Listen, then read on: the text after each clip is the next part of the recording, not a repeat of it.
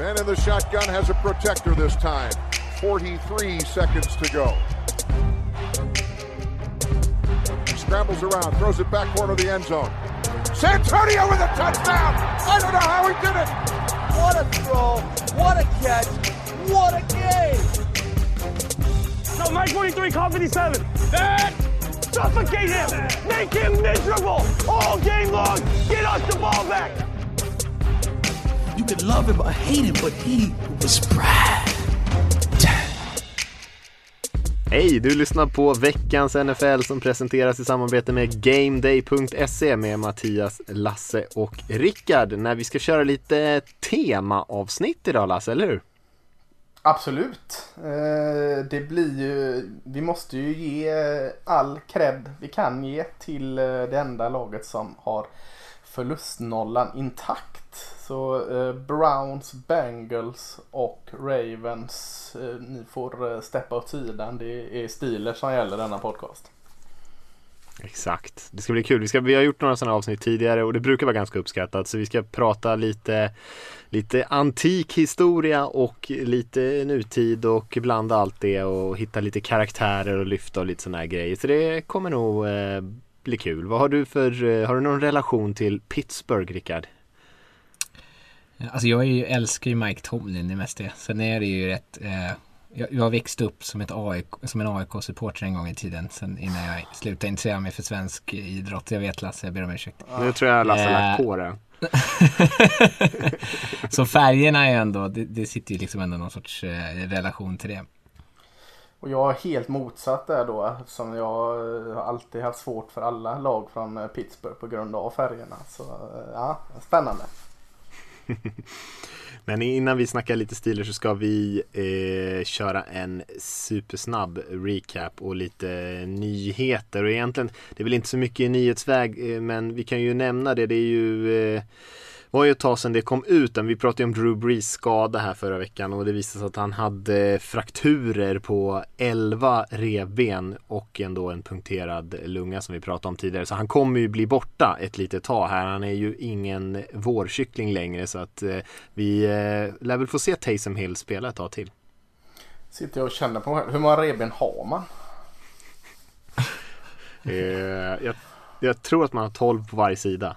Ja det är så pass ändå. Så det är som att Oj. ena sidan har helt eh, Ja, knäckts där. kollapsat.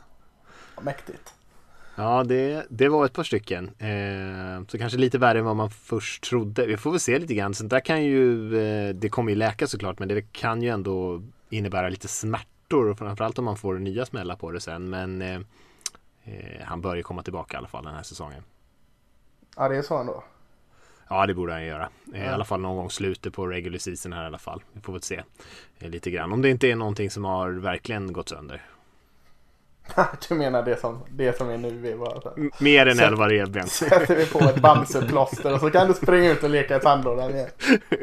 Exakt så. Eh, vi har andra, lite andra skador också. Joe Burrow, quarterbacken i Cincinnati Bengals som valdes nummer ett i draften och har gjort en jättefin rookie-säsong. Men var ju på väg att slå eh, antal gånger han har blivit säkrad. Det rekordet var han eh, uppe och sniffade på i alla fall. Och eh, fick, tog mycket smällar och det blev en smäll för mycket här i veckan nu och han har dragit av eh, både korsband och, och andra typer av eh, band i sitt knä och de misstänker också att han har eh, lite mer eh, skada där inne i knät utan att vara för superspecifik. Så eh, det som man hoppades på kanske var korsbandet anade man ganska tidigt att det var av men hoppades kanske på att det bara var den ACL som vi pratar om eh, ofta och eh, det brukar ju gå ganska bra att komma tillbaka från men nu var det lite fler grejer som var sönder och dessutom eh, saker som vi kanske inte är helt säkra på än om det, om det är ännu mer skador. Så att det kan ju göra att eh, hans rehab tar längre tid och eh, som vi har sett vissa spelare så kan det ju faktiskt ta mer än eh, att man skulle vara redo till nästa säsong till och med. Om vi tänker på Teddy Bridgewater skada till exempel. Ja usch. Det lät ju inte bra när man fick eh, läsa det när han skrev där. eh. Såg ju inte bra ut heller och det, det är ju bara en sån klassisk klyscha och hoppas på det bästa där och att han eh, alla de här operationerna och det går bra. Om Det, jag vet inte, har han har, har, har det gjort sen eller vad, är det något sagt om det? Nej, det är nog inte gjort än. Nej, nej fy fasken. Nej, inte kul. Nej, med, man, med tanke på att det sett så bra ut och man har börjat liksom få upp hoppet. En sån här skada kan ju dels att det tar tid att läka men det kan ju också påverka en. Han är ju så sjukt cool i fickan och så här kan röra sig runt i trafiken oavsett vad som händer runt omkring honom. Det här kan ju, en sån här skada kan ju sätta spår liksom i, i huvudet på honom också. Ja, verkligen. Fy fasken. Mm, nej, vi hoppas på det bästa. Ja, det går inte att säga så mycket mer som du sa där Lasse. Ehm, ska vi säga lite grann om, om förra veckans matcher här, eller helgens matcher. Det var ju, eh, man kan väl säga att de toppmatcherna, de som man hade sett fram emot allra mest kanske inför, de verkligen levererade och sen hade vi en och annan skräll men, men framförallt så var det det som stod ut, att det blev så väldigt spännande i de matcherna som, eh, som många satt och kikade på. Ja, eh, direkt från avspark så eh, jag satt och kollade på, på eh, Ravens Titans där och, och eh, kändes inte kanske direkt från avspark att den skulle bli så spännande men eh, jäklar vad, vad eh, det blev bra. Jag blev lite sådär halvsömnig och så sen kunde jag inte gå och lägga mig på hela kvällen sen för att liksom den kicka igång en där med eh, eh Titans upphämtning och, och sen vinst i övertid. Eh, ja, det, den var fantastisk. Och man satt ju och, och klickade över eller hade ögat på, kände som man hade ögat på en jäkla massa matcher samtidigt där som alla var, var eh, übertajta. Ja, det kändes som, eh, mm, jag, jag, tyckte att försvaren på slutet såg väldigt trötta ut. Jag tror jag twittrade om att Titans försvar såg oerhört trötta ut och sen så eh, på andra sidan i Baltimore där, där man först eh, missade ett gäng tacklingar på A.J. Brown som såklart gör ett jättejobb för att trycka sig in i, i endzone och kvittera den matchen. Och sen också då Derrick Henrys långa spel på övertid, springspel där man heller inte lyckas riktigt få händerna på honom och få ner honom. Eh, så eh, kanske en ganska slitig match för de här två lagen också. Mm, jag, alltså nu, nu sa till och med Tony Romo det och då eh, känner jag mig ännu mer trygg. Jag har ju tidigare lyft Titans offensiva koordinator där Arthur Smith och vara jäkligt snygg i, sin, i sitt sätt att bygga upp ett offensiv och ja, jag är galet imponerad av honom. 38 år gammal och har varit i Titans sedan 2011 så att eh, det borde vara ett namn som smyger närmare en sån här snackis att bli ny huvudtränare för något lag. Mm. Ja, det har han ju förtjänat både med fjolåret och, och i år mm. hur anfallet har sett ut. Visst. Vi hade eh, flera andra spännande matcher. Cowboys mötte ju Vikings i en match som de flesta nog trodde att ett ganska hett Minnesota skulle springa hem eh, och vinna ganska enkelt mot Cowboys. Men så blev det inte utan Cowboys vann med 31-28 eh, och det såg väl till och med ut som att det var en ganska rättvis vinst va Lasse? Ja det tycker jag. Den var i alla fall inte orättvis. Eh jag vet inte om det, det Cowboys eh, spelar ju bättre. Deras försvar har blivit eh, betydligt bättre. Framförallt fronten där och försvara mot spring. Och eh, det har väl varit Vikings signum. Det har ju ingen missat att Elwin Cook eh, sprang han visserligen på 115 yards men det var 27 försök. Men, men eh, ja, lite eh, frågande att det tog sån tid för Vikings att komma på att alla passningar går hem. Kasta hela matchen. Skit i Delvin Cook den här matchen. Eh, för de hade stora spel i luften Vikings. Men det kändes som de hade så svårt att släppa att den här Delvin Cook, han, han springer ju som en gud i varje match. Vi kan inte bara eh, låta bli det. Men där hade, hade eh, Cowboys full kontroll. Alltså om man nu kallar 115 yard på Delvin Cook full kontroll. Så, så nära som med den formen han är i. Så eh, så ah, jag skulle nog säga att det var en liten coachmiss av Vikings. Och Cowboys ska inte be om ursäkt. Eh, Andy Dalton gjorde en bra match. Eh, offensiva linjen gjorde inte en helt horribel dålig match. Och, nej, nej, jag tycker det, det, var, det var en helt okej match. Nu är vi med i, i racet om Super Bowl-vinst igen. det var lite spektakulära mottagningar i den här matchen också. CD Lamb hade ju en mm. fantastisk touchdown oh, och sen även eh, Adam Thielen hade ju en riktigt läcker enhandare ja, för Vikings också. Nej, ja, det var grymt. Så mycket att gottas åt i den matchen. Eh, Rickard, vi hade ju en till övertidsmatch. Titans Ravens var ju övertidsmatch och Packers Colts blev också övertidsmatch. Eh, slutade 31-34 till Colts till slut.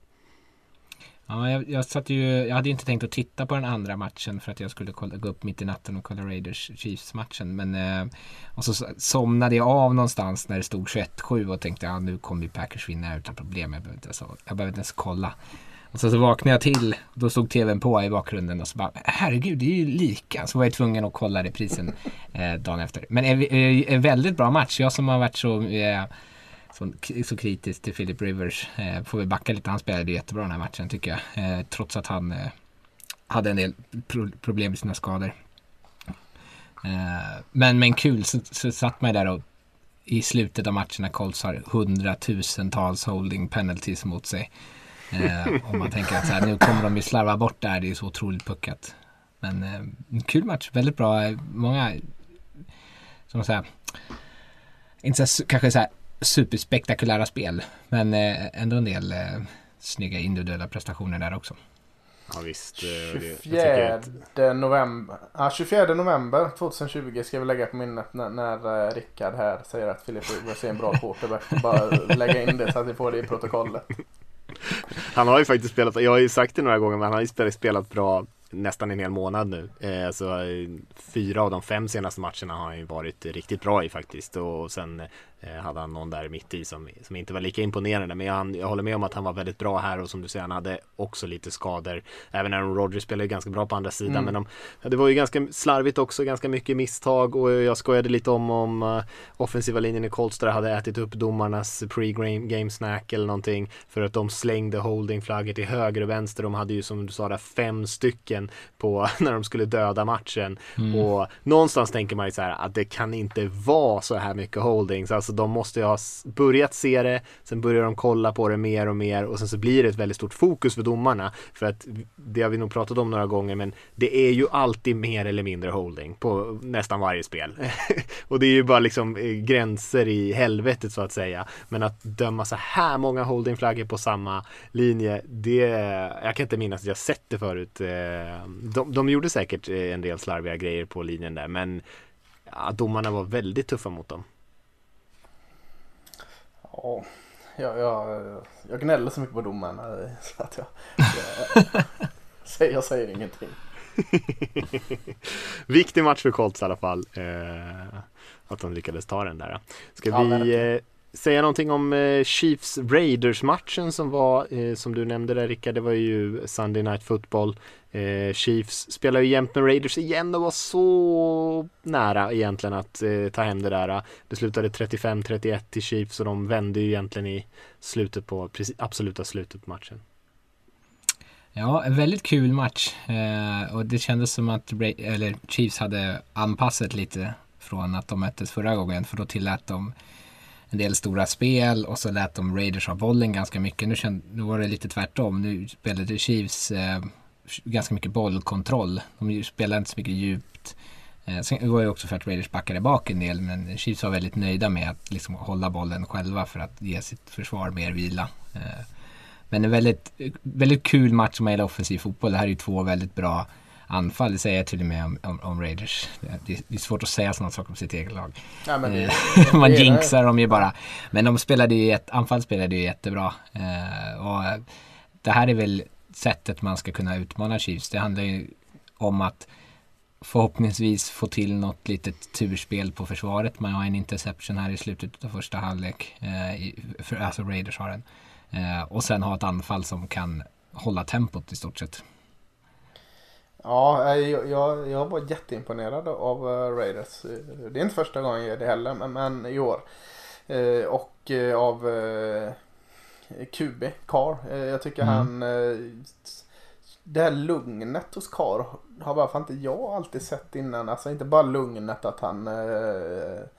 men, men även pre-snap lugn, han läser, han, han han panikskriker inte ut ändringarna. Alltså det, det känns bara som att det är någon form av harmoni i hur han spelar. Eh, som liksom genomsyrar hela laget. Så att, jag, jag, jag, blev lite lugn när jag såg Karl var så lugn och, och mm. ändrade om till springspel och pratade lugnt. De filmade, filmade han på sidan. Han satt inte liksom och, och var det här, eh, ja, han hade varit en gapig men kanske lite halvstörig. Eh, det, det kändes bara väldigt harmoniskt och lugnt. Jag var övertygad ganska länge att de skulle vända och vinna matchen. Och eh, det var väl så nära att de gjorde det. Liksom så att, nej, jag är väldigt imponerad. Kanske deras, den matchen jag har sett av Raiders då som jag var mest imponerad av trots förlusten. Mm. Eh, Offensiven ska tilläggas. Defensiven Ja, nej, har det var- fortfarande sina frågetecken. Nej, jag håller med. Jag tror Raiders blir jobbiga. Jag skulle inte vilja möta Raiders. Det är många av de andra lagen som äger ungefär på samma record som jag betydligt hellre skulle möta än det här Raiders-laget. Eh, det känns som att anfallet kan göra lika mycket poäng som vilken motståndare som helst egentligen. Eh, och det är väl det som är eh, deras uppenbara styrka också. Jag tycker det var väldigt kul i den här matchen. Men, eh, det är ingen publik på matcherna och då gör att man hör lite mer vad som händer där ute på plan. Men här tyckte jag var mer än någonsin kanske. Man hörde ju Carr prata med sina offensiva linjespel. Man hörde alla de här audibles, alla eh, liksom vilka termer de använde. Det var liksom mycket sånt där. Eh, jag tyckte man, de var bra också på, på själva eh, produktionen också. Få fram när Carr hade någon form av så här utbyte med blickar mellan någon linebacker och honom i Chiefs där, där han bara så här, ja, ja, ja, jag ser vad du håller på med liksom. Eh, jag såg att han gav någon, någon wink till någon av sina spelare också, sen passa bollen dit. Så det, var, det var mycket i den här matchen som man liksom kunde få, som man inte ser i vanliga fall och som man inte hör framförallt. Ja, kanske var därför då. Ja, det var produktionen som lurade in mig i, i det här eh, karlugnet. Då lyckades han väldigt bra. Jag var, ja, svalde det med hull och hår. Ja, han såg väldigt avslappnad ut. Ja, Eh, vi hade en annan match också som vi kan nämna, Monday Night Football. Eh, slarvig match från Tom Brady eh, som Rams vann med 27-24. Även Jared Goff på andra sidan hade ju lite misstag men eh, förutom de få misstagen han gjorde eh, så spelade han eh, väldigt, väldigt bra eh, och var extremt effektiv i den här matchen. Eh, och han hade väl lite tur då att det gjordes lite misstag på andra sidan också. Eh, men jag tyckte att Rams såg ut som det starkare laget större delen av matchen ändå. Och eh, de vann i slutändan. Så en stor skalp för, för Rams. ja notera bort att eh, mest rushing yards var Ronald Jones med 24 av alla lag. Så det var eh, väldigt passglatt. Ganska rolig match att se. Ja, verkligen. Verkligen. Där hade ju Buccaneers hade ju stora problem med passblockeringen. Eh, Rams eh, försvar terroriserade ju Brady och springspelet. Ja, verkligen. Eh, ska vi lämna vecka 11? Ja, det måste vi väl göra. En fin vecka, vi- fin, fin vecka att lämna. Ja, verkligen. Ja, men det var ju underbar underhållning får man säga. Och eh, jag hoppas att det blir det nu också när vi ska snacka lite Pittsburgh Steelers, Lasse. Jag tror att det är du som ska kicka igång oss va? Ja, men jag tänkte göra det. Eh, blivit lite inspirerad av de här fina quizen som blivit inskickade till oss. Så att, eh, inte i närheten av, av samma kvalitet, men istället för att rabbla lite snabbfakta så, så har jag lagt upp det i, i någon form av quizformat till er två här. Så, som, som, eh, så, så ni får glänsa eh, brödrakampen här Olsson emellan. Får vi se vem som är Pittsburgh-expert av er. Eh, Lite enkla, tråkiga frågor först. Eh, Vilken var, vilket år bildades Steelers? Enkla frågor, sa du det? Ah, tråkiga då men. Eh, tråkiga. Eh, så enkelt är det inte. Tråkigt säger vi. Eh, jag säger 1920. Mm. Ja, 1915 gissar jag då. Ja, det är ett AFC-lag så att de är lite sent på bollen. 1933 bildades de där. Ja, mm. Ja, eh, så inga rätt där. Maskoten, eh, den är väl enkel då? Vet ni vad den heter va? Hmm. Ja, men vad har de ens för, vad har de ens en maskot? Ja, men sen 2007 var de en maskot. Ja, det är väl något stålarbetare antar jag. Ja, ja men det- det, du, är- du är inne på något där. Han heter Stili i förnamn. Steely Dan höll jag på att säga. Stili där. Nej, nej, nej, men Rickard får ett rätt där för fan. Jag är inte så kräsen här. Men, men, Det Han heter- det skulle glänsa. ja, det Riktigt var en sån här, glans just det. ja, insändartävling var det så fick man eh, föreslå ett namn och damen där som vann döpte den till Steely McBeam och eh, Steely då som Riktigt stålstaden Pittsburgh. Mac var det för att hylla Rooneys eh, ägarnas då irländska bakgrund. Jag vet inte, O-beam borde det vara då, inte Mac mer skottsklingande. Låter som en Eh, McDonalds eh, Ja, karaktär. Och Beam var ganska roligt. Det var för att hennes mans favoritdryck var Jim Beam. Det räckte tydligen. Uh, bourbonen där. Så att stilen McBeam. Inte en, st- inte en stål... Eh, Balk, alltså, ett, Jo, ja, balk det heter finns beam. stil beam också. Men eh, det var tydligen inte därför. Utan det var för att eh, hennes man gillade Jim Beam. Eh, så det var ganska kul. Steely McBeam ja, det hade jag faktiskt ingen aning om. Det, Nej. Han ser ju verkligen, jag var tvungen att googla honom, han ser ju verkligen ut som en stål, stålarbetare dessutom. Ja, fin, fin ja. Eh, de, när de bildades 1933 så hette de ju inte Pittsburgh Steelers. Vad, vad, vad kan de tänkas ha hetat då? Från 33 till 39 hette de det här. De hette ju Pittsburgh då, men, men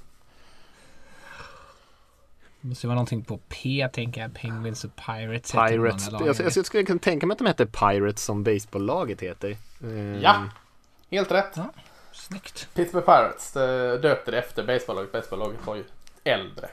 Men de här som spelade, de här Decatur Steelers eller vad det heter, det var inte i Pittsburgh kanske? Nej, det var det Decatur. Vad vad ligger det då?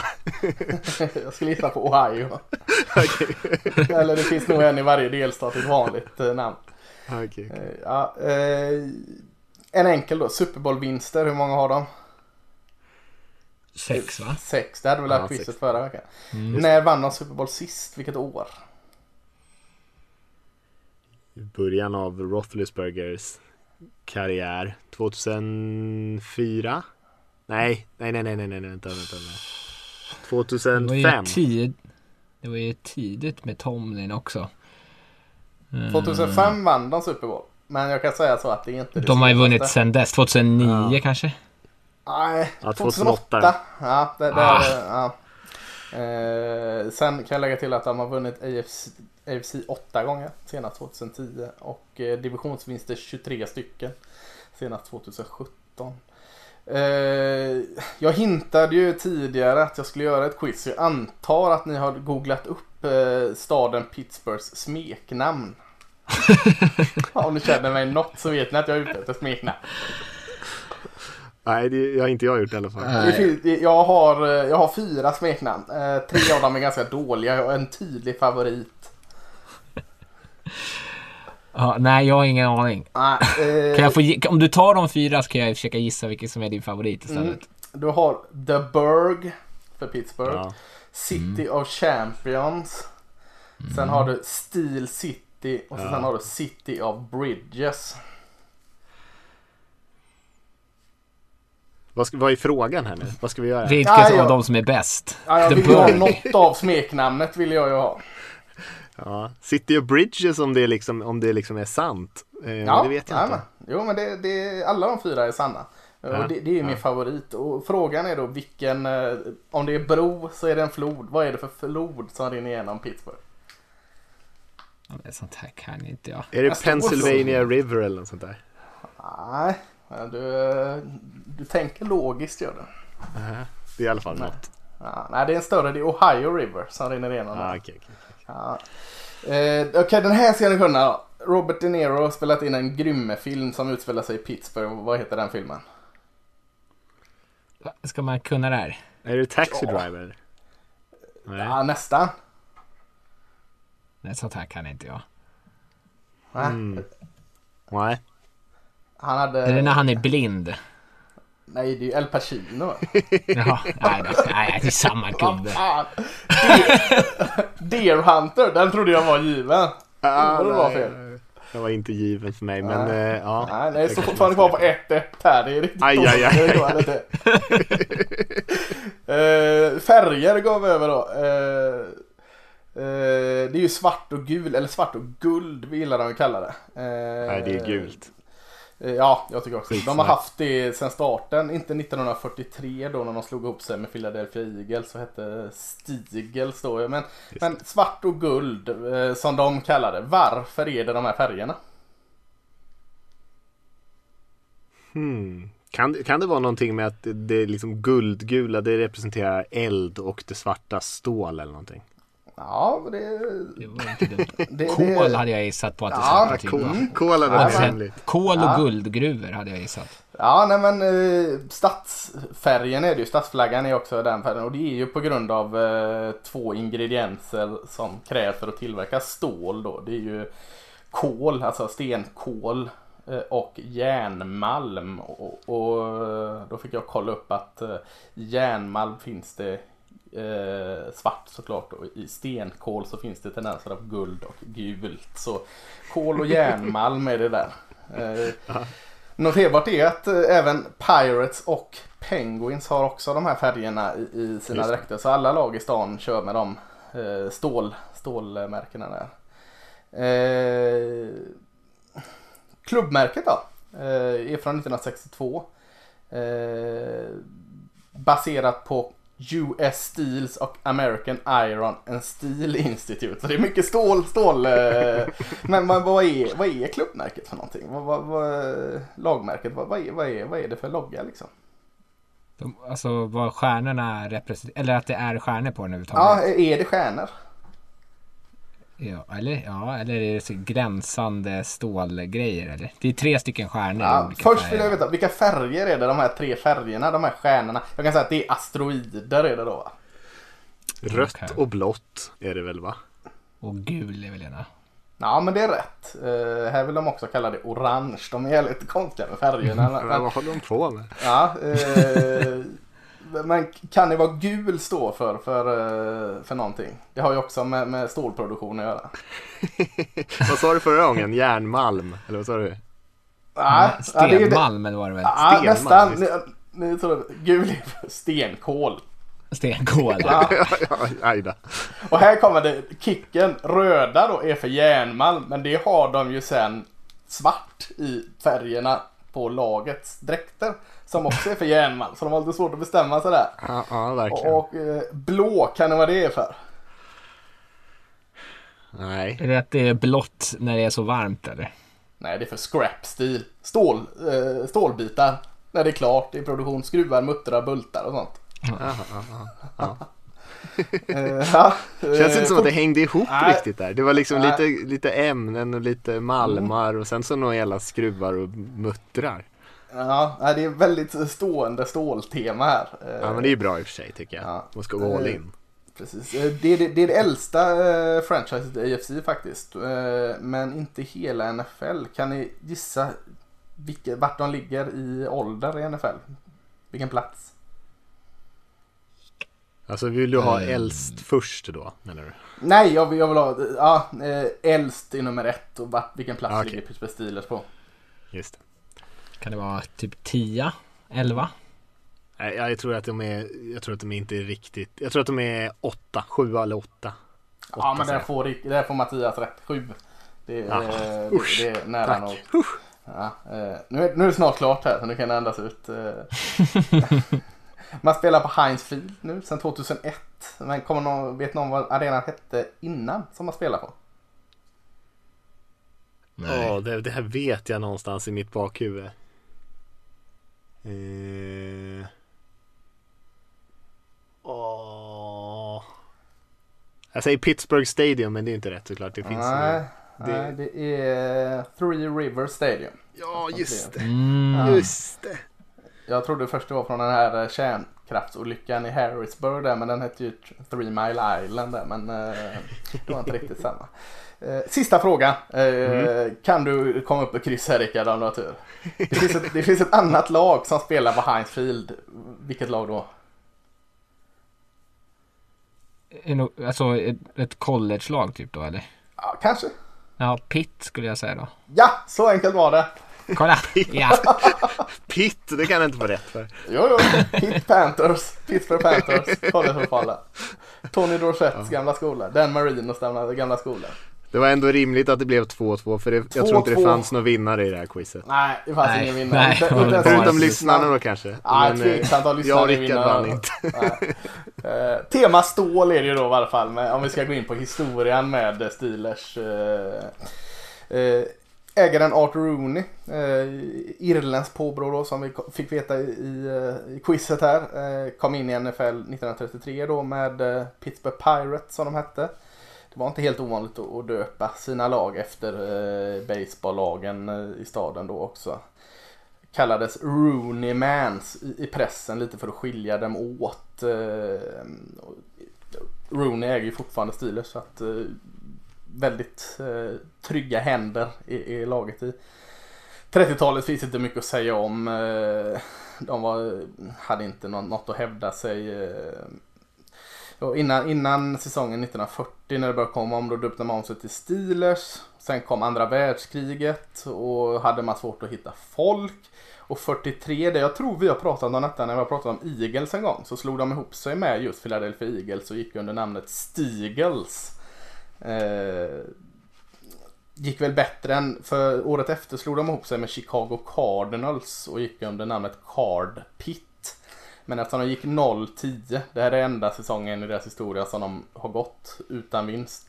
Så kallar många dem för Carpets eh, istället för att vara lite elaka. Eh, eh, slutspel för första gången 1947. Eh, och det var egentligen det enda slutspelet de hade innan ligorna slogs ihop. Och 50-talet, 60-talet är inte så mycket att snacka om heller. Men 70-talet hoppar vi snabbt till så anställer man 69 anställer man Chuck Noll eh, från mästarna i NFL Baltimore Colts.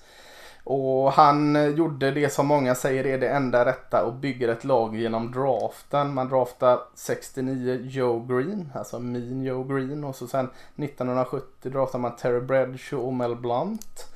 71 draftar man Jack Ham och så 72 draftar man Franco Harris. Sen kommer 74, kanske den mest magiska draften eh, något lag har gjort.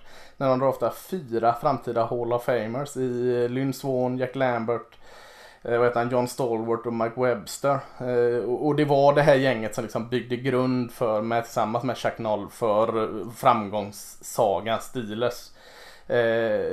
och det man gillar att kalla en dynasti. Man, man åtta raka slutspel, fyra Super Bowl-vinster under sex år. Det är inget annat lag som har lyckats med det. Eh, så det dominerade hela 70-talet Steelers. Sen 80-talet eh, kom skadorna. Eh, man missade slutspel två år i rad och sen började de här stjärnorna, draftstjärnorna eh, lägga skorna på hyllan en efter en. Och 1985 kom första, alltså losing season, när man hade mer förluster än vinster sen 1971. Så att eh, man hade en ganska bra period där från 71 till 1985.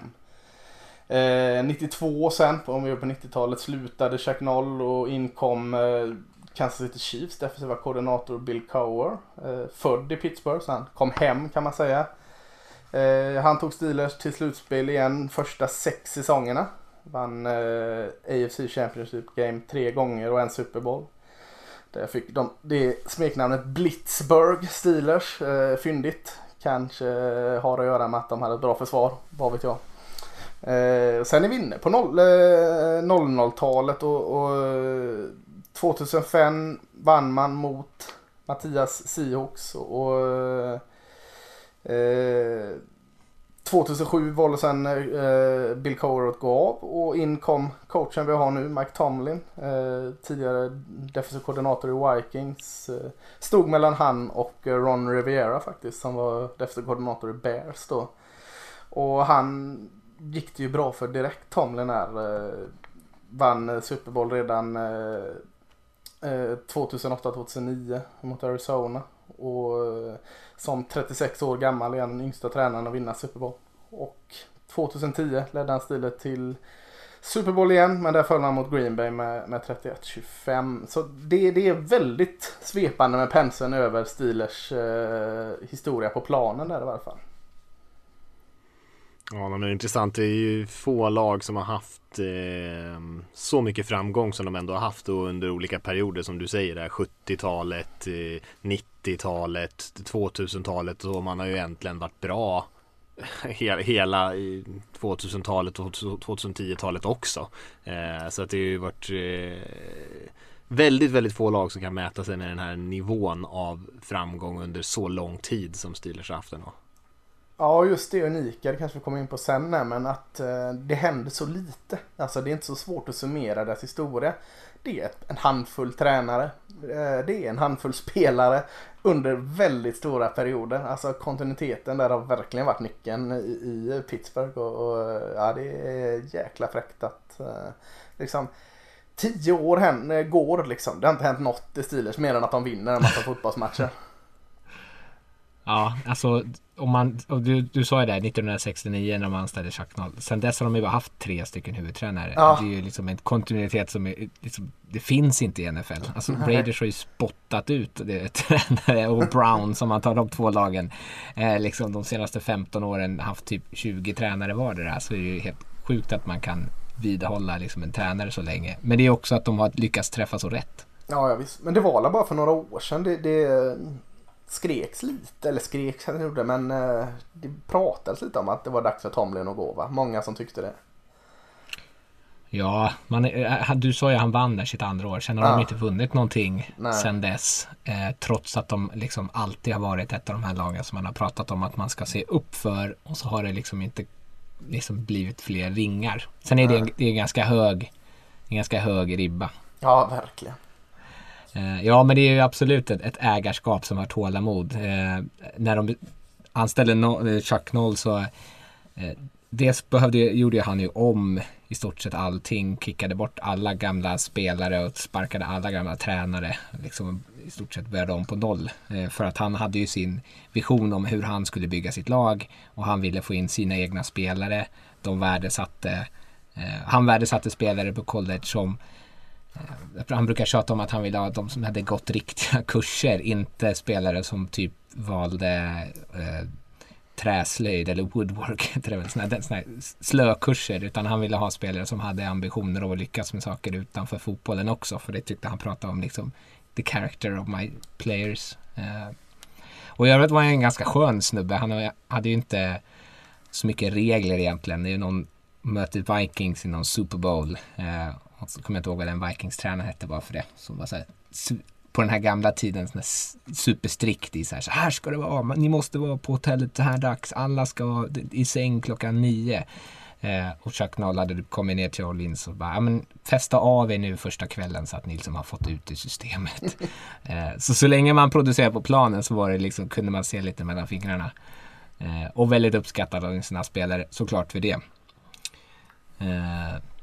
Du pratar ju där Lasse om all, alla spelare han har fått in. Eh, och han kanske är mest känd för implementering av The Steel Curtain som de Ja. kallar det. Och det var ju den här defensiva fronten som du, eh, som du nämnde. Mean Joe Green framför, ka- kanske framför allt är den som man känner igen. Eh, eh, Elsie Greenwood, eh, Ernie Holmes, Dwight White, men också ett par linebackers där bak till som det som liksom kändes som en sån personifiering utav Pittsburgh som en stad att vara elaka eh, och, och fysiskt eh, dominanta eh, spelare. Ja, en jäkla stålvägg helt enkelt. Ja, men precis. Ja. Eh, och så när du pratar om Cowher så sa du Blitzburg. Då vill, jag ju, vill man ju nämna Dick LeBeaus, deras defensiva koordinator som var där så länge som eh, hade massa sådana här exotiska blitzpaket och en eh, defensiv spelbok tjock som en bibel. Han är väl, jag vet inte om han är kvar hos Titans.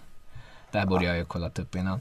Ja, jag tänkte också på det igen där. eh, Han gick ju dit i alla fall. Ja, från... Jag eh, var det Pitts... det. Nej, vad var det han gick från? Eh, Vad var han innan? Var det Packers eller? Nej, han gick Nej, från de var- Pittsburgh dit direkt. Jag tror det också. Ha. Ja. Ja, eh, hur som helst, i Pittsburgh i alla fall. Eh, så, eh, han hade ju sitt liksom zon, eh, typ Fire Zone Blitz-paketet som man tycker om att spela när man spelar Madden bara för att man skickar så många spelare.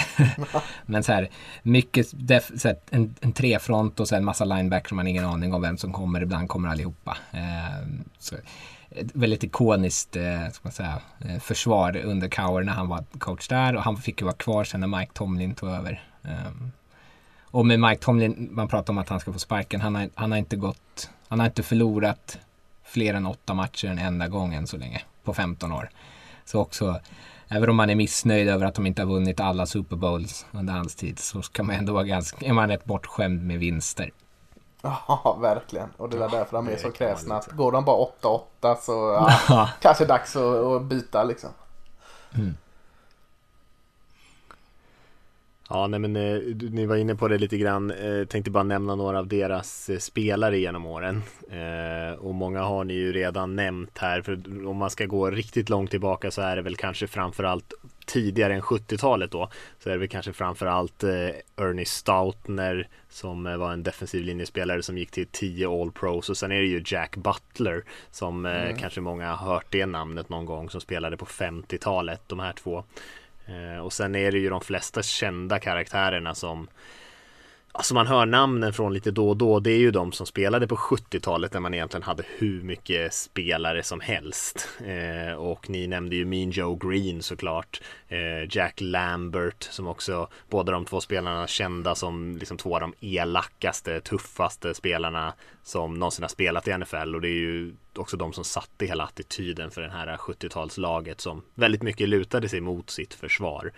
Eh, Jack Ham. Mel Blunt är en intressant karaktär, en cornerback mm. som eh, egentligen, man brukar ju kalla den här femyardsregeln i NFL där att man bara får ha kontakt med pass med receiver som första fem yardsen brukar man ju lite skämtsamt kalla för Mel Blunt rule. Eh, för den infördes ju under den här tiden. Så att han, de i det här Steelers försvaret och framförallt Mel Blunt eh, mördade ju receivers när de sprang över plan. För de tacklar ju spelare som inte fick bollen och du vet, då och tacklar de ju så hårt så att de skadar sig och det var ju liksom eh, det, var, det var inte jättekul att springa routes över mitten på, på det här Steelers-försvaret. Så då införde man den regeln. Eh, och han var ju bra efter det också, så han var en väldigt duktig spelare. Men eh, det, det var mycket på grund av hur han spelade och hur de spelade. Terry Bradshaw som vi ser i tv såklart, quarterbacken. Eh, kanske statistiskt inte kan mäta sig med dagens quarterbacks, men man får komma ihåg att det var en annan era. Eh, han var en extremt bra spelare för, för den tiden och hur man spelade då. Det var extremt mycket svårare att passa bollen än vad det är i dagens NFL. Eh, och ni nämnde de andra spelarna på anfallet där, Franco Harris, Webster, centern, eh, Stallworth och Lynn Swan, deras receivers där, som är väl de stora eh, karaktärerna från eh, 70-talet.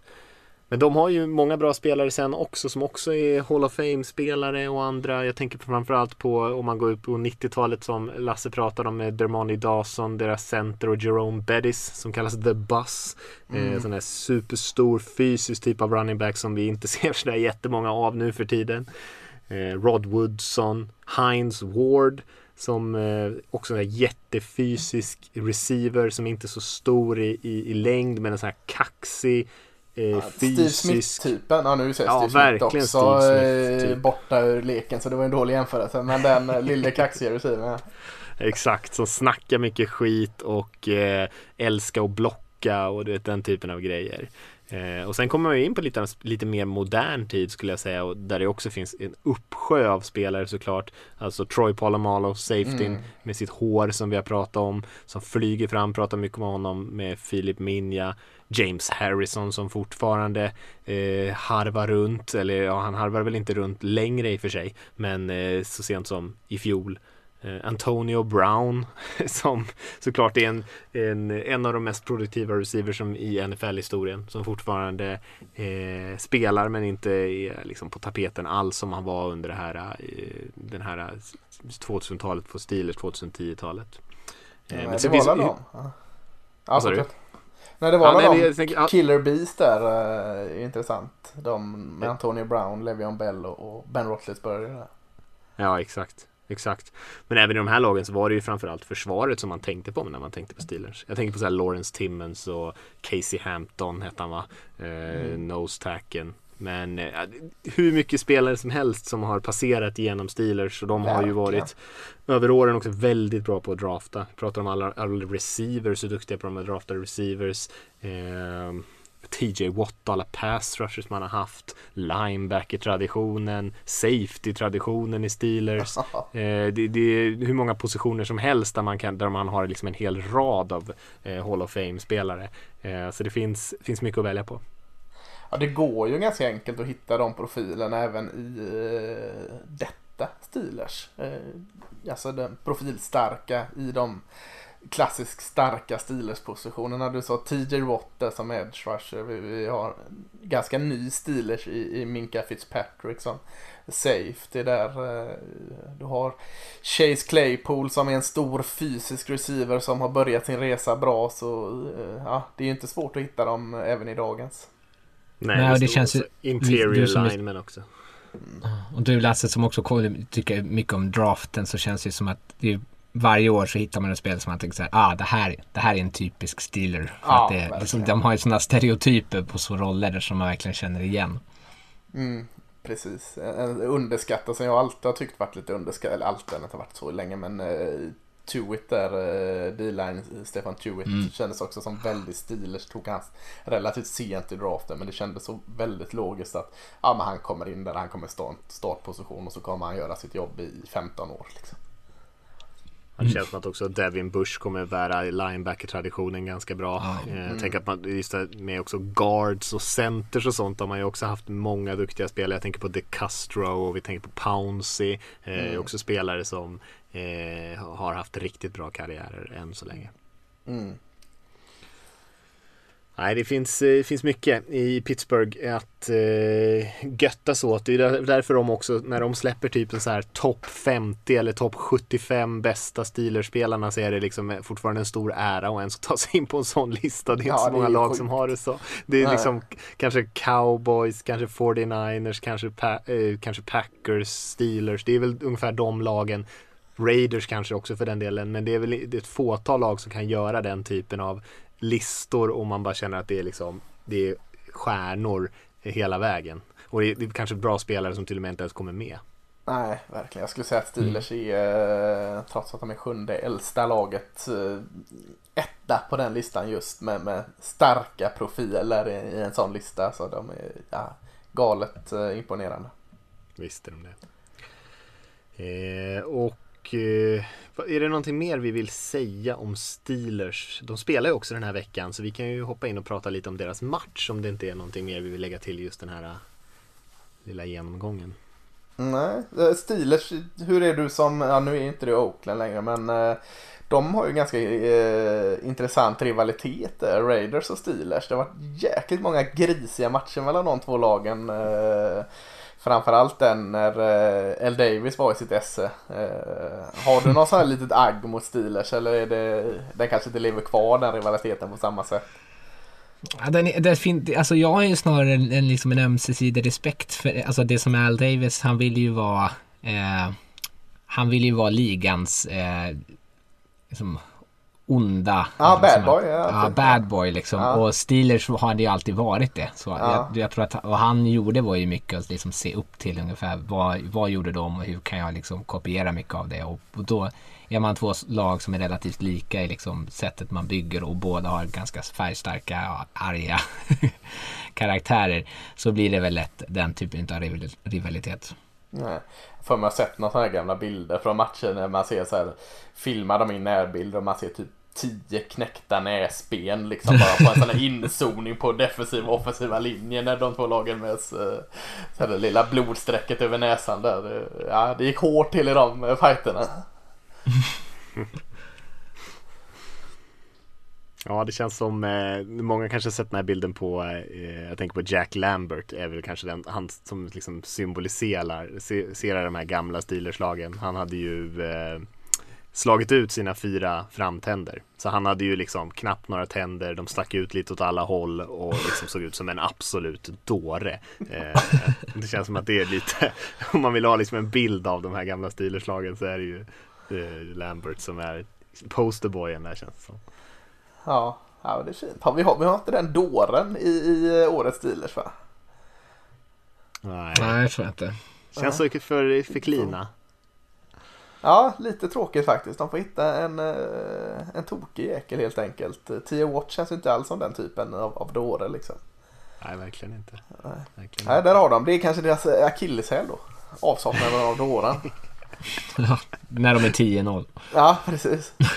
De hade ju det med Harrison lite. Ja, han är ju lite han, av en han eh, bar, det var den sista dåren.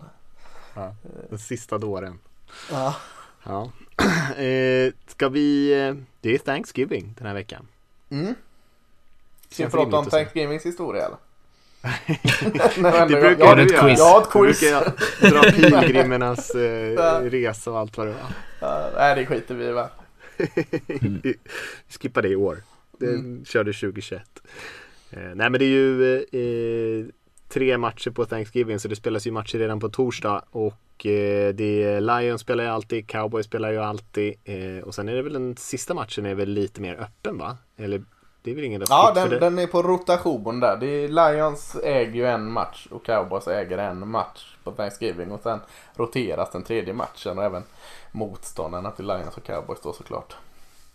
Exakt och det här är ju som primetime-matcher. Alla ser dem. Eh, så det är ju eh, jäkligt kul att få, få en av de där eh, inbokade varje år. Texans möter ju Lions i år och sen är det ju Washington mot Dallas. Och sen har vi ju faktiskt kanske vi fick en fråga här nu senast eh, när vi gjorde den här enkäten inför söndagens matcher om rivaliteter och vilka man tänkte på när det, när det var rivaliteter i NFL och apropå Steelers så var det ju den första som jag kommer att tänka på är ju Ravens Steelers och deras rivalitet och de möts ju faktiskt här på Thanksgiving även fast det är mitt i natten för oss eh, svenskar eh, så spelas ju den 02.20 där också. Ja, och en jäkla så... Ja, det är det ju alltid, säger man. Alltså, det är en jäkla bra och viktig match. Eh, för det är det ofta, eller alltid, när de här två lagen möts. Och eh, nu är det ju inte lika viktig för Steelers eh, så sätt att de överlever ju en förlust. Men den är ju viktig så pass att de vill ju rida på den här vågen så länge de kan. Den här, och, och, och en förlust just mot rivalen Ravens som just nu är lite av en jag skulle inte säga att det är identitetskris men i varje fall eh, eh väldigt mycket frågetecken på deras whiteboard i, i mötesrummen eh, vart de står och hur de ska gå vidare så eh, är den ju, är den ju absolut viktig för Ravens. Eh, kan nästan vara så hård att säga att det är lite av en vinna och försvinna, eller försvinna match för Ravens redan nu om det än är lite tidigt. Ja, alltså de förlorar den här så ramlar de ner till 6-5 och det är ju ganska många lag i AFC som ligger där uppe och sniffar på en 6-7 vinster. Så då är det ju, nu har de ju lättare matcher framöver än den här. Men eh, och om de ska förlora den så ska de väl förlora den med liksom huvudet högt och ändå känna att de är på väg åt rätt håll. Precis, för det tänker jag också. Alltså att visst, de kan förlora. Den har fortfarande goda möjligheter att ta sig till slutspel. Men det är ju vad det gör med Ravens. Att ytterligare dra på sig en förlust där. Och ytterligare dra på sig eh, frågor, själv, självförtroende på törn. Så, som du säger, de ska väl förlora den som Las Vegas förlorade mot Chiefs eh, senast. Ja, Eh. Då är det en okej förlust liksom. Men eh, det är ganska otacksamt att komma in i, i det mot det enda obesegrande laget i NFL just nu. Det känns ju Mm. inte jämnt så här på förhand direkt. Det känns ju inte som att det är något mycket som talar för att Ravens ska kunna vinna den här matchen tycker jag. Eh, Steelers har ju spelat kanske bättre till och med här nu på slutet än vad man gjorde. Även fast man har vunnit alla matcher så har man ju sett lite mer övertygande ut tycker jag. Eh, med de delar som har sett lite mer tveksamma ut tidigare under säsongen. Medan Ravens kan snarare gå åt fel håll. Tappar ju sin left tackle Ronnie Stanley som är en väldigt bra spelare och, och det verkar ha påverkat dem extremt mycket. Janda saknade man ju redan som hade gått i pension men det visste man ju om.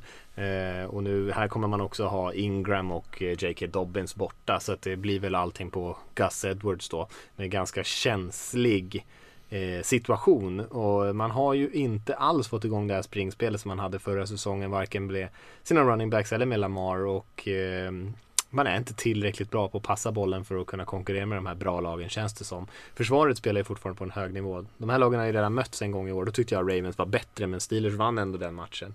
Eh, på Det grund av var en riktigt misstag. bra match i alla fall. Det var en riktigt bra eh, match. Lite för mycket misstag från Lamar Jackson framförallt. Eh, som gjorde att man inte lyckades sno den. Men nu känns det som att man är större uppförsbacke än vad man var förra gången. Ja, jag vet inte. Försvaret är ju bra men har också tappat lite. Alltså, Calais Campbell, gammal och trött sa både jag och Rickard inför säsongen. Men han hade ju faktiskt spelat bra eh, under säsongen. Märktes ganska tydligt att inte han var med mot Tennessee. eh, eh, De blev betydligt enklare att tas med utan honom där. Så det syntes mycket. Jag har inte riktigt koll på status om han kan tänkas få tillbaka. För jag tror inte det var någon säsongs season ending injury på han. Eh, Så han är ju väldigt viktig att få tillbaka för dem där. eh. Sen, sen vill jag såklart eh, puffa för att Des Bryant är inne. min gamla favorit wide receiver från Cowboys, fick en del boll till slut. Var jättesur direkt för att han inte fick bollen första spelet, första liksom passen.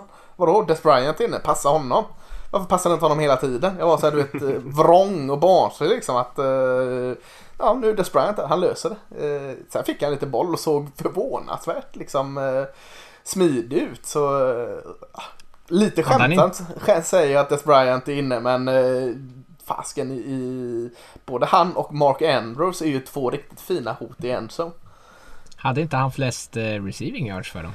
Ja det kanske han hade till slut för att de, eh, de såg ju vad jag tjatade om innan avspark att eh, passa Des För han blev bättre och bättre. Eh, och eh, är det, är det så, jag har inte kollat det, så är det ju jäkligt imponerande för den som varit borta från fotbollen. Är det två eller tre år? Eh, ja, så eh, jag säger inte att han, han går in och avgör men eh, han, både han och eh, Tyrenden här, eh, Mark Andrews, kan ju i varje fall göra det riktigt svettigt för Steelers. Eh, det är ju två sådana eh, fantastiska receivers att lägga sådana här 50-50 bollar på, eh, framförallt när man är nere i red zone. Mm. Det är några spelare som skulle behöva steppa upp lite grann i Ravens. Eh, Hollywood Brown bland annat. Eh, som Ja. inte gör någon bra säsong direkt. Lamar Jackson Nej. tycker jag kan mer än vad han har visat än så länge. Prata om Patrick Queen, deras duktiga rookie linebacker som eh, började bra och har haft ett, ett gäng stora spel men som har haft ett, ett par tuffare matcher här på slutet. Eh, som också skulle behöva hitta tillbaka lite grann och det kanske påverkas av att linjerna saknar lite spelare och de spelar sämre. och Då blir det tuffare för linebackers att leverera också. Eh, Men jag tror att många, eh, och jag tror också man saknade sin bästa corner här senast mot Titans, va? Eh, Humphrey? Nej, han var med. Mm. Han var med, Jag han har var med. för- jag har för mig att han var med i alla fall. Ganska säker på det. Ja men då så. Jag vet inte. Eh, ja men eh, i alla fall jag tror att man måste spela en sitt bästa, sin bästa match som man har möjlighet att göra om man ska kunna vinna den här. För att eh, liksom på pappret tycker jag Steelers ser klart starkare ut. Eh, Går du in och håller uh, peptalket innan match för dem eller? Tror gubbar. killar att ni måste ert göra ert bästa den här matchen för att få med er ett resultat. Kom igen nu, på tre! Ja det är riktigt bra. Ja. Jag ska rätta mig för Des Bryant hade inte ens mest receiving.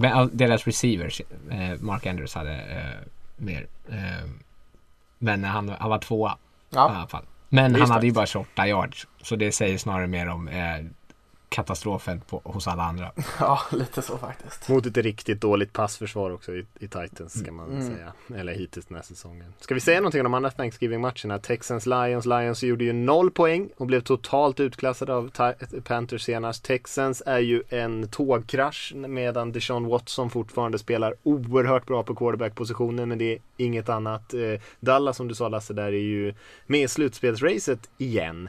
Eh, eller de har ju varit med hela tiden men kanske nu seglat upp som favoriter i NFC East. Ja, jag har fortfarande trummat på här att Giants är favorit. Eh, Nu, nu börjar jag mitt sådär Super Bowl-tips med Cowboys eh, få liv här igen.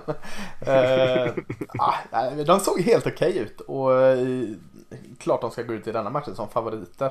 Framförallt när de börjar få ordning på eh, i varje fall eh, defensiva linjen. Och, och, eh, jag hade velat se mer av Randy Gregory. Han roteras in en hel del. Han har haft en sjuhelsikes resa och komma tillbaka och är tillbaka nu och är skitduktig när han får roteras in. Så in med honom mer. Sen- offensiven. Zeke Elliot hade sin bästa match för säsongen mot Vikings. Och Dalton, eh, jag ska inte säga att han är en mästar-QB men han var absolut ingen liksom förstörde inte någonting. De har tagit ut Zack Martin, duktiga garden till tackle och stärkt upp lite så att det finns någonting som talar åt en, en väldigt, väldigt blygsam pil uppåt för dem i alla fall. Med- Medans, jag vet inte vad jag ska säga om Washington. De vinner ju sist mot Bengals men, men verkar inte krävas allt för jäkla mycket för att vinna mot Bengals. Eh, Scary Terry här, receiven, känns väldigt ensam som just receiver i, i Washington.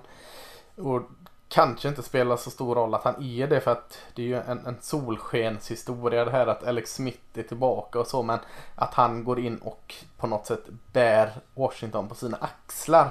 Det, det, det kan vi nog inte lägga till den historien än. Han såg ju inte så där alls bra ut mot Bengals. Och eh, det märks att han har varit borta väldigt, väldigt länge. Eh, de har en bra running back i, i Gibson. Annars är det allt hopp får ju hänga på det här försvaret som är bra med eh, Sweat, Kerrigan, Young och, och Corners i Fuller och Darby. Så, så att det är någon form av försvarsinsats som, som ska leda dem till en vinst för offensivt kan ha jag faktiskt svårt att hitta så mycket blekare lag än Washington. Det kan ju bli svettigt för eh, Dallas offensiva linje den här dagen. Det kan det bli. Eh, det var inte lika svettigt mot Vikings som inte har någon direkt pass rush i år. Eh, det kan man ju inte säga. Även han Saddle i mitten där är, tycker jag har gjort en bra säsong. Så nej, ett linjefight är nog att räkna med och mm. det räcker nog att Dallas bara de låter bli att inte bli mördade så har de en chans. De kan bli eh, sårade men eh, de får försöka komma därifrån med livet. Då har de goda chanser att vinna tror jag. Mm. Mm. Det tror jag också. Det är inte jättemycket spännande matcher på eh, söndagen sen kan man väl säga direkt. Eh, vi kan rabbla dem lite snabbt men vi behöver inte säga så mycket om, om matcherna tycker jag. Miami möter ju Jets och där Tua Tungavaloa som blev bänkad senast förhoppningsvis eh, kommer till spel och Miami spelar lite bättre. Arizona Cardinals möter Patriots, två lag som eh, verkligen är i behov av vinster om de ska lyckas nå slutspelsplatser. Panthers möter Vikings i eh, en riktig måste-match för Vikings också. Panthers som har spelat bra med XFL-quarterbacken PJ Walker eh, som ah, eh, levererade senast mm. där får man säga. Kastade också två interceptions men ändå mm, eh, levererade. Browns eh, möter Jaguars. Titans möter Colts. Där tänker jag att vi kanske kan göra ett litet stopp bland 19 matcherna. För den är ju faktiskt väldigt intressant i eh, AFC South. Eh, mellan två lag som eh, ser ut som, eh, eller ja de är de enda som kommer utmana om den där divisionstiteln egentligen. Och eh, de eh, ligger riktigt bra till båda två. Ja, vad har vi Colts nu? Jag har lite svårt att bli klok på dem. Eh, du som eh, somnade men ändå kollade om matchen senare mot Packers, Rickard. Eh, hur summerar man Colts styrka, svaghet? Jag, jag har lite svårt. Försvaret är väl fortsatt en styrka va? Ja, och försvaret spelade, spelade bra. Även om man släppte mycket poäng tidigt så lyckades man ju ändå på något sätt tajta till det sen därefter. Eh, och det är väl, alltså ju mindre press man sätter på Philip Rivers desto större chans har man att vinna. Eh, eller mindre press på anfallet överhuvudtaget. Eh, och försvaret har ju verkligen räddat dem eh, många gånger tidigare i säsongen. Även om nu anfallet har börjat klicka lite här de senaste veckorna enligt Mattias. Eh, säga och himla på ögonen. Eh, du tar emot. Men eh, alltså, de började ju få de fick i alla fall igång ett någon viss typ av antydan till ett springspel, vilket de kanske inte har haft tidigare under säsongen också mot, eh, mot Packers. Även om det inte var enorma siffror. Men eh, de sprang för strax över 100 yards. Eh, det kändes ändå som att de kunde liksom ha det som ett faktiskt hot att vi kan springa eh, så ni måste försvara det här också. För det har ju varit lite vad jag tyckte varit problemet tidigare med anfallet. Att det har ganska, de har hamnat det var väldigt uppenbart att de passar och de har hamnat i uppenbara passsituationer och då har anfallet inte riktigt varit lika, lika vast. Um, nu kunde de generera lite längre serier, få sitt eh, försvar lite mer vila. Um, så de, jag har ju varit lite kritisk mot laget helt, eh, liksom generellt. Ja. Uh, men det här är ju en fjäder i hatten att vinna över Packers tycker jag, framförallt på det här sättet som de gör det. Så de är nog farligare än vad man tror. Ja, och det med springspelet de håller väl återigen, de ger ju inte upp på Jonathan Taylor, rookien där. Alltså han hade ett par mindre heta matcher men nu var det väl han de liksom red ut springspelet på. Eh, fick väl väldigt mycket försök där. Eh, mm. Får se, se om det lossnar för honom. Eh, han är ju inte ovan att få jobba mycket efter sin tid i Wisconsin. Och, jag tänkte en annan receiver där som har, eh, alltså blir betydligt bättre för varje match nu känns det som. är ju receiven Michael Pittman där som eh, också intressant. Verkar klicka mer och mer med Philip Rivers. Så det kan ju också vara en, en offensiv spelare att hålla lite utkik på i, i Colts där. Mm. Jag, jag tycker att det är lite samma sak med andra sidan. Om man skulle, det här lag, man inte riktigt vet vad man har. Det är lite samma sak med Titus tycker jag. Ja. Eller vad skulle du säga Mattias? Nej, nej, jag håller med dig om det.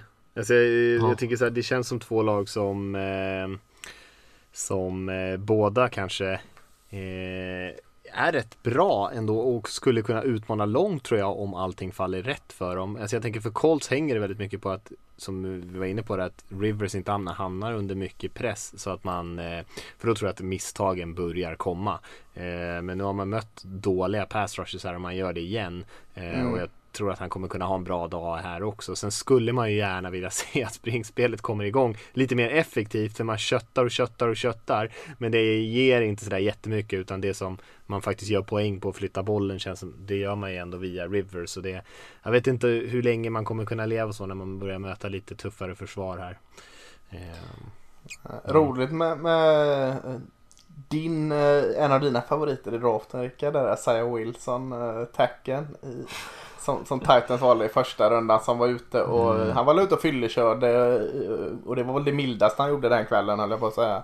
Och hamnade skevt på det. Senast här i matchen så tror jag de, jag kan ha fel men det är roligare om jag berättar den som jag tror. Alltså, de körde med sin backup tackle. De hade väldigt ont om tackles i laget. Han blev skadad. Jag tror det var Eh, och sen blir han Ty Sambrello, left tacken skadad och liksom de hade inga tackles att sätta in och Isaiah Wilson står ju där liksom. Tacket valde mm. första rundan. Men ah, de letar efter någon annan. Äh, men fasiken Anthony Fursker eller någon uh, tight end. Liksom. Fan kan du spela tackle eller vi måste ha in någon där. Eh, jag, tror det var, jag tror det var Garden David Quessenberry som liksom är tre eller fyra på depth som fick gå in ett par drives liksom innan uh, de hittade en annan men Isaiah Wilson första rundan var ändå ombytt, står redo med hjälmen på. Men han får absolut inte komma in för Titans. Det är, jag vet inte, de, eh, mm, de väntar nog på att han ska växa upp lite känns det som. Ja, och det här behöver, alltså det, om han inte blir lite mer ödmjuk efter det här så vet jag inte vad man ska göra. Men det är också rätt, de tar det också i sändningen. Så här, ja men där står han, han har hjälmen på sig. Man ser någon så här, assistent står där och försöker coacha honom typ och han ser lite halvt ointresserad ut. Och så där, som du sa, de letar bara i bakgrunden efter någon och letar in istället. Det är ju förskräckligt. Förskräckligt. Ja, ja verkligen. Eh, men det är kanske så eh, de får honom, kanske funkar med honom att växa upp så. Ja, det var ju väldigt ja. intressant sekvens då som du säger Rickard, för det stod ju, jag vet inte om det var o-line coachen eller vad det var, någon assisterande tränare, men stod och liksom eh, körde, tränade passet med honom liksom på sidan av plan när de är liksom nere på typ sin tionde linjespelare och han inte kan gå in på mm. plan och få liksom lite snabb mm. coaching om de nu måste kasta in honom. Eh, och det känns ju liksom helt absurt att han, att han skulle vara så oredo. Eh, men de, nej, det verkar ju så. Ja, äh, bra notis. Får se om vi ser Sarah Wilson äh, på, äh, på torsdag. Jag tror inte det. Nej, söndag. Nej, tveksam till det. Kanske på sidlinjen. Eh, ja, sen har vi ju Giants Bengals då som den är inte mycket att snacka om. Man får väl säga att Giants är lite favoriter med Burrow borta. Sen har vi Chargers Bills, ganska intressant match ändå. Eh, Chargers är ju lite eh, inte riktigt med i racet i år så det, på det sättet är det väl intressant och Bills borde ju vinna den. Eh, särskilt efter vilovecka här. Sen har vi Raiders, Falcons, eh, 49ers, Rams. Eh, Saints mot Broncos med Taysom Hill som vi nämnde inte honom men han gjorde ju en fullgod insats. Jag kanske ska säga någonting om Taysom Hills matchen då för det var ändå en stor mm. snackis inför förra veckan här. Eh, jag tyckte inte det var något så här spektakulärt men däremot tyckte jag att han spelade väldigt bra. Eh, han, eh, när han hade tid och eh, och tydliga reads så tycker jag han levererar en mycket bra träffsäker boll nästan alltid. Eh, det som kanske var lite så här, när det var lite stökigt och han skulle försöka eh, gå till sina andra tredje read och, och försöka läsa planen. Ja, då blev det kanske lite annorlunda men han gjorde ändå en väldigt bra eh, match tycker jag och, och också med två touchdowns med benen och såna här grejer så jag tyckte att han levererade. även om ni har sett den eh, Taysom Hill matchen. Jag såg bara highlights eh, och så såg jag intervjun med honom där när han skulle tacka. Det var som en Oscars-tals tack där eh, alla skulle tacka för den här eh, matchen. Nej, jag har inte sett det. Men jag tycker det känns kul. Jag kollade lite på Broncos Dolphins matchen och det här känns ju som en väldigt intressant match. Man bara tänker mellan Sean Payton, eh, och tränaren i Saints och Vic Fangio, tränaren i Broncos. I, liksom, vem som kommer kunna vinna liksom, eh, speldesignen. För Fangio lyckades ställa till otroliga bekymmer för Tua Tonga Vailoa förra veckan. Eh, och Taysom Hill är väl också en QB som man kanske med lite diverse uppställningar och rörelser och sånt kan eh, skaka om och då behöver ju Peyton då ha en, en, en gameplan för att liksom kunna ge honom lite lättare alternativ. Mm. Jag såg att du hoppades starkt på att Vic Fangio skulle få sparken här. Uh, ja, jag ser honom gärna komma. Så jag hoppas liksom Bron eh, Broncos gör honom orätt på något vis. Så att han känner att han får något sorts agg mot dem. Så att han kan komma och ta över som defensiv koordinator i Raiders. Ja, just det. Ja, han är väldigt duktig på den defensiva sidan. Mm. och en del saker som han inte riktigt ligger bra på. Nej. Vi har ju en, eh, en ganska, får man får säga en stor match får man ändå kalla det, 22-25 där med, mellan Kansas City Chiefs och Tampa Bay Buccaneers. Kansas City, som vi pratade lite om tidigare, de flyger lite under radarn i år eh, och vinner matcher ändå medan Tampa Bay Buccaneers, de är eh, hot and cold kanske man kan ja, kalla det. De går från utklassade lag till att bli utklassade. Tom Brady spelar jättebra och effektivt och helt, helt plötsligt så kastar han turnovers till höger och vänster. Han hade ju en lång boll som han kastade mot Godwin här senast som var säkert 15 yards kort om där den skulle vara minst eh, på en lång passning eh, och några som han studsade i marken innan sin receivers. Det är verkligen upp och ner för det här Tampa Bay-laget. Eh, och här ser man, får man väl ändå säga att Chiefs är ganska stora favoriter va? Ja, det är jag. tänker med Tampa Bay, det, det känns som liksom eh, du går in i ett jäkla cirkustält när du ska kolla på Tampa Bay Buccaneers. Det är stora jäkla elefanter som ska balansera på små plankor och det är sådana akrobater som ska flyga från en stolpe till en annan. Det är ju jäkla spektakulärt och show hela tiden men och det är nästan lika spektakulärt som när elefanten missar och trampar sönder någon i publiken eller när den här akrobaten ska hoppa och inte ens når halvvägs i stolpen som när de lyckas. Eh, alltså det är verkligen en sån här cirkusshow med hjärtat i halsgropen vad, får vi då? Får vi de här ohyggliga eh, hoppen eller får vi eh, kraschlandningarna? Eh, det, så, så, jag skulle säga att det är, det är en cirkusföreställning Tampa Bay Buccaneers kommer till stan. Ja, nej, jag håller med. De är väldigt underhållande och eh, ja, det, det, finns ju många bra spelare där så det är konstigt att det är, att det är så upp och ner. Men just nu har man ju lite problem med passblockeringen och det känns som en, ett, ett, deras största problem kanske. Eh, mm. Försvaret ja, fortsatt bra. Nej, det är väl inte ja. bra hela tiden kanske. De har ju också Nej. varit ganska upp och ner. Mot Saints fick de ju rejält med spö. Springförsvaret är ju fortsatt bra. Men eh, lite mer upp och ner där bak. Ja, kanske det.